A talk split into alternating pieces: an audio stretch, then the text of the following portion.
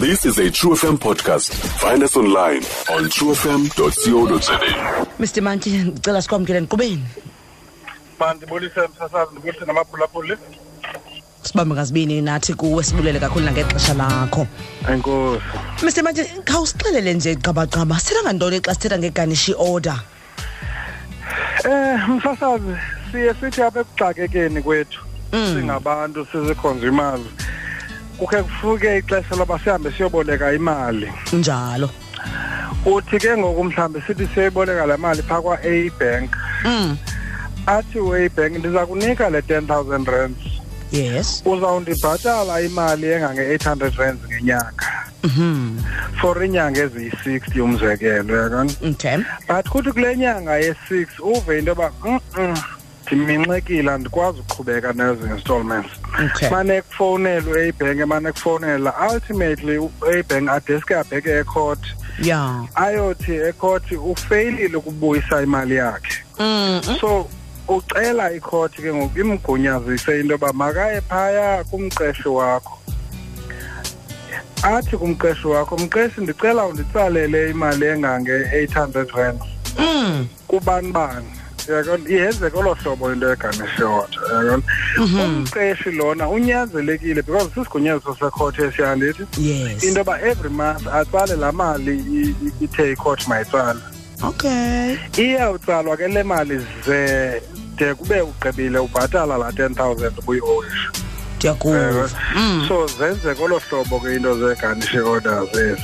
olright yeah, kodwa ke ngomisi manje ingaba ke umqeshi lona now that ke segunyaziswa yicourt akabisakubiza ke ngoku akuxelele uba eh, kukho into enjena and therefore ndiza kwenza ngolu hlobo nolu hlobo eh, apha kwi-payslip yakho ndiyawuvuyela lo mbuzo obuzayo mm. because okokuqala mhlawumbi uba ndingakhe ndizigqabagqaba ngeprocess lena yegatshot uba ihamba kanjanaendiyicazela uba yinto e, e, evelaphi iprocess yayo kokuqala u-a bank ufaneleke into yoba ukubhalela ileta mm. i-registered letter ethi sicela ngedate ethile uzovele court okay sizawube sisenza le application yoba makutsalwe imali eh, eh, eh, kwisalary yakho mm. isithi into masiyovela phambi kwemantyi uyakona xa sithi phambi kwemantyi andithethi ngovela phambi kweclark of the court sivela phambi kukamantyi mhm. phaya phambi kukamantyi uzawuthi lo usuke ebank sicela utsala le one thousand two hundred rands ngenyanga mm. for mm. inyanga ezingaka ndithi mna phambi kwekhothi ndinguconsumer mantyi ndamkela nditsalelwe nditsalelwe kusheke i-eight hundred rands emalini yam mm. andinawuze ndikwazi utsalelwa i-one thousand two hundred rands ndikumamele eh, bona le nto ndishoyo mhm. because andinayo unfortunately into eyenzekayo ngoku kukhona abantu abayi-abhuza le system abavele baye straight phaya kwi-clerk of the court kuishuyishwe i-garnish order isiwe kumqeshi ivele umntu abone setsalelwa imali izakhange mm. zilandelwe ezi processes endithetha ngazo now iye yathi i-constitutional court ngo-2016 ngoseptemba 2016 yeah. iganishi order ayizuba valid and effective unless there are certain requirements eziye zenziwa okokuqala if ngazikhanya na briefly okokuqala icourt lena remember la manje bendithe makuyiwe kuye mayibe ngumantyi okulaa dolophu asebenza kuyo umqeshwa lona mm. in other words this person so umzekelo into esizibonayo apha kwi-practice yinto yoba umntu usebenza eking ya yeah. i-garnish order ikhutshwe eflagstaff yho aba ba-a bank ubased epeter maritzburg yho nakho akhuzibuze ke ngoku into yoba yenzeke kanjani loo nto leyo mm, yabona mm, mm. i-take constitutional court mayenziwe kulaa king umntu asebenza kuyo mayenziwe kulaa butterworth asebenza kuyo so that akwazi uyovela phambi komantyi xa evela phambi komantyi azothi mantyi le mali it's not just an equitable le izawutsalwa enanzi because andinayo and andizokwazi izalo ukuyibhatala yes. yaqhubeka yathi court ii-garnish order zomntu azinawudlula ku-25 percent wesalari yakhe okay uye ufumanisa uba mhlawumbi abantu baneegarnish order ezininzi zidlule le kulaa 25 percent zezi processes ziriveswayo ezo mm.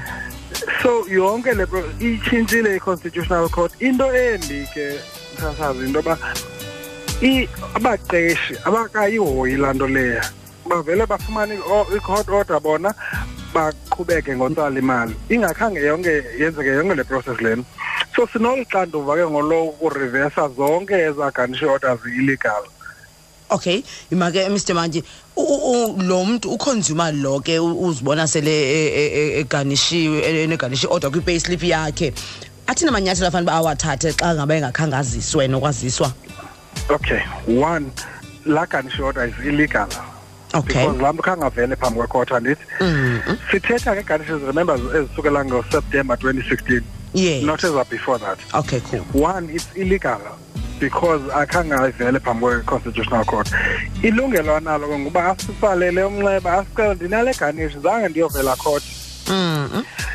le court ikhuphe liganishi ayikho ayo court ibefama ikhutshwe kuyo njengoba bendikhankanyile before then kurivesa yonke laa mali biseyitsaliwa okay yekona yeah, that is the process because yonke le nto ibuyela kulaa nto yoxhaphazwa kwabantu bexhaphazwa mm. zii-loans abazinikiweyo ezingapha kwamandla abo ya ufumane isitoba ngoku mhlawumbi umntu bekwazi umana ayirivesa itsali i-debit order ayirivesa but ngoku xa sekusithi itsali ebhisho kwisalari yakho uzayirivesa kanjani Mm. Imake ingaba mhlambi ke um aniye nifune mhlambi nina ke xa sele ethe wafowuna lo muntu efuna emagqotheni sithi ke unale problem yele garnish order angayaziyo eh ingaba mhlambi aniye nifuna uqonda ubunyani balonto apha kuye abekho abakhe bathatha iadvantage mhlambi umuntu aphosise nophosise yenzeka mhlala lonto leyo so mm. what we do siye sikusanise power pattern ne power pattern authorizes laa ndawo itsala imali yakho into bayisinike laa kopi yeganishi order le bayisebenzisayo and then we peruse laa document thina sibom okay this is invalid and then we make an application to court yeah. to reverse it so yes abanye abantu mhlawumbi baye bayithathe itshans athi hayi kha ndixelelwe uba mandibize njalo njalo mm. but ufumanise into yoba i-signature yakhe appears kwiganishi order leya ithetha ukulondebeyile ecourt but kuyenzeka noba mhlawumbi umntu even though ebeyile court ufumanisa uba le one thousand five hundred rands itsalwayo iyambulala sisi akakwazi uphila mm. because lo mntu i-take home yakhe after zonke izinto ezi-nine hundred rand siyakwazi nowaphesha ikhoti sithi ikhoti le le garnish is not just an equitable yeah uyakona itsho ikhoti reduce to le mali umntu anokwazi ukuyiafoda okay yes iprocess ihamba lo hlobo olright so le garnish order ke ngoku mr mantyi um eh, ayinayo ipotential yoba ingawuchaphazela irekhodi lo mntu le credit i remember sekuthathwe i-judgment yes. so once kuthathwe le judgment mm -hmm. u-credit provider lowa u-a bank unalo igunya loyithumela koo-credit bureau echaza into yoba ndathatha i-judgment against lo mnali igama lakhe mfakeni ebantwini ababhatala kakubi oh yes remember i-judgment lena ethi awubhatali kakuhle mm. yes so iyakwazi uyofikelela phaya ibe ke ngoku ithatha ixesha elingakanani ke ngoku yonke loo nto leyo um sendiba iba valid for ixesha elingakanani leganisho order until ugqiba ubhatala nkosi yes until ugqiba ubhatala mm Mr Madiba ngikwasi kuyeke just nje ilizwi eh, onoliphefumula kuba phulaphuli eh, eh, ngengcebiso nje mhlambi ke malunga nezinto ezikumila kunjena nokuzifaka ngelinye ixesha ke ematyaleni ngamanye amaxesha uyazi uba Mr Manje uyufowunela uzihlalele um kuthiwe nantsi loan uyaqualifya for this uh, this loan ubuqondwa nyhani yeyi um nditshonile ndithe gaxa ndibonwa yini nawe uziphose uyayibona yenzeka kakhulu loo nto leyo last week bendithetha neclient ethi ifumene i-email eh, from ibhanki yayo isithi iqualifya for imali engaka ndambuza uba sisi le loan uyayifuna mm. eh bhuti le loan ingandinceda kona because ndifuna kukhona into ezimbalwa endifuna uziqhobosha ndibuza uba uyakwazi uphila ngoku ngaphandle kwale loan mm. because uthatha kwakho le loan izawuphinde ibuye awuyiphiwa le mali njalo so khakuyofaka kwi-spreadsheet sakho ujonge into yoba ngenene na le repayment yale loan ayizul-over indetha na mm. emveni koba ndithe unfortunately abantu abaganishwayo apha esouth africa they are close to a million in total i-economy yethu iweak mosandithi mm. kukhona ezi recession zikhoyo so abantu mm. inevitably bazayoboleka imali true yaqona Yeah. sometimes unoyiboleka imali eyazi into yoba eyi imeko yam ayintlanga ndimbi yaqona Mm, mm. but imeko esiphila kuyo imbi injalo uyabona ii-research ziyabonakalisa uba ngobani abonye aba- abona abantu ba-affected zezinto zeziganishi ne-over indebtedness yaqona Yeah. akho nanidi uba ndikuchazele uba Boss. lentibala uyabona Mm, mm.